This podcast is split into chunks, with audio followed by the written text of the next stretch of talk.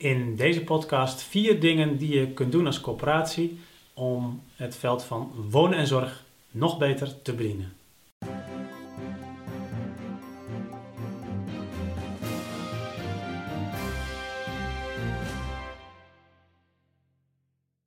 Een eerste stap om als woningcoöperatie aan wonen en zorg te gaan doen, is natuurlijk het in kaart brengen van de behoeften, zodat je ook kunt zien wat de opgave voor de komende jaren is. Bij het in kaart brengen van die behoeften kun je gebruik maken van verschillende landelijke en eh, ook lokale bronnen. Je kunt daar natuurlijk zelf ook nog nader onderzoek naar doen.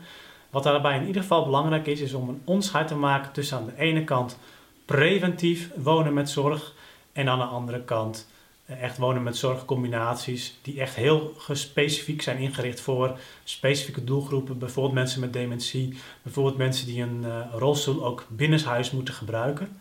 En uiteraard zul je preventieve maatregelen vooral nemen als dat minder kost en de kans groter is dat iemand die ouder wordt daar ook, ook behoefte aan zal krijgen. En op het moment dat het duurder wordt en ehm, ja, ook voor minder mensen van toepassing zal zijn, zul je dat meer op maat doen en misschien ook in combinatie met toewijzingseisen. He, zoals een, om een voorbeeld te geven, uh, um, toegankelijkheid verbeteren van algemene toegang van een flat, drempels weghalen, um, dat soort maatregelen, die kun je al relatief goedkoop doen in bestaande voorraad en sowieso natuurlijk gewoon meenemen in je ontwerpeisen op het moment dat je gaat nieuwbouwen.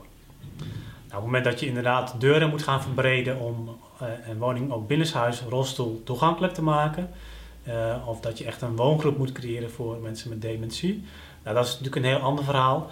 Dus dan uh, doe je dat uiteraard alleen maar op het moment dat daar echt een specifieke behoefte aan is. Wat je ook moet onderscheiden op het moment dat je onderzoek gaat doen, is aan de ene kant de lokale behoefte. Dus de behoefte eigenlijk van de mensen die al in jouw werkgebied wonen of die al in jouw woningen wonen en die ouder worden en misschien dan uh, een andere behoefte aan woonzorgcombinaties krijgen. En aan de andere kant een regionale behoefte voor hele specifieke doelgroepen, bijvoorbeeld verstandelijk gehandicapten, bijvoorbeeld uh, lichamelijk gehandicapten, die ook um, ja, heel erg specifiek aan één zorgorganisatie bijvoorbeeld verbonden zijn. Daarover um, ja, is het wat lastiger om de behoefte specifiek voor jouw werkgebied in kaart te brengen, omdat het er nogal van afhangt of er misschien in een nabijgelegen uh, stad of dorp al zo'n voorziening is. Uh, en daarover is het dus ook handig om dan de afspraken daarover ook te maken met andere corporaties in je regio en ook met de gemeenten en de zorginstellingen in die regio. Tweede ding wat je kunt doen als coöperatie is bepalen wat je wilt en wat je kunt bijdragen. Op het moment dat je een inventarisatie hebt gemaakt van wat er eigenlijk nodig is, kun je gaan kijken wat wil en kan ik bijdragen. Je hebt natuurlijk beperkte financiële middelen. Uh, daarnaast heb je ook nog andere opgaven die misschien meer of minder urgent zijn. Dus vervolgens is het natuurlijk wel de, de kunst om daar een goede afweging in te maken. Kijk daarbij niet alleen maar naar wat je in de bestaande voorraad kunt doen, wat je misschien in nieuwbouw kunt doen. Uh, daarbij is het ook belangrijk, heb je überhaupt nog een groeibehoefte als coöperatie in jouw werkgebied te vervullen. Op het moment dat je veel nieuwbouw doet, kun je misschien ook makkelijker uh, bepaalde uh, woonzorgcombinaties mogelijk maken. Uh, maar kijk ook naar flankerend beleid. Misschien afspraken die je met een welzijnsorganisatie kunt maken, die ervoor zorgen dat mensen in relatief misschien wat ongeschiktere woningen toch langer kunnen blijven wonen. Een derde ding wat je als coöperatie kunt doen op dit terrein is altijd flexibel dingen uitvoeren. De zorg die verandert razendsnel. Uh, niet alleen omdat er in de medische wetenschap uh, heel veel ontwikkelingen zijn. Misschien is er over 10 jaar wel een medicijn tegen dementie. Misschien worden we over uh, eh, 30 jaar wel veel ouder dan dat we nu denken te worden. Maar ook in regelgeving en alle faciliteiten die daaromheen hangen.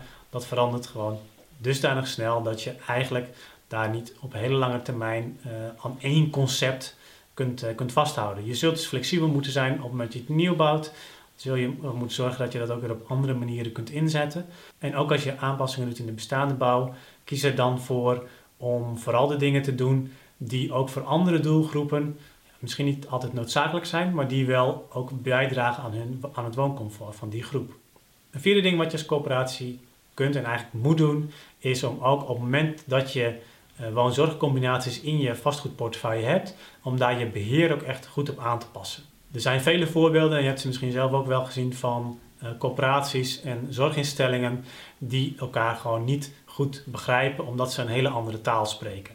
En waar corporaties echt naar de middellange en lange termijn kijken, en dan heb ik het echt over 20, 30, 40, 50, 100 jaar, uh, kijkt een zorgorganisatie, noodgedwongen voor een groot deel, naar de hele korte termijn, volgende week. Uh, misschien zelfs morgen. Hè. Er komen vandaag cliënten binnen die morgen gehuisvest moeten worden.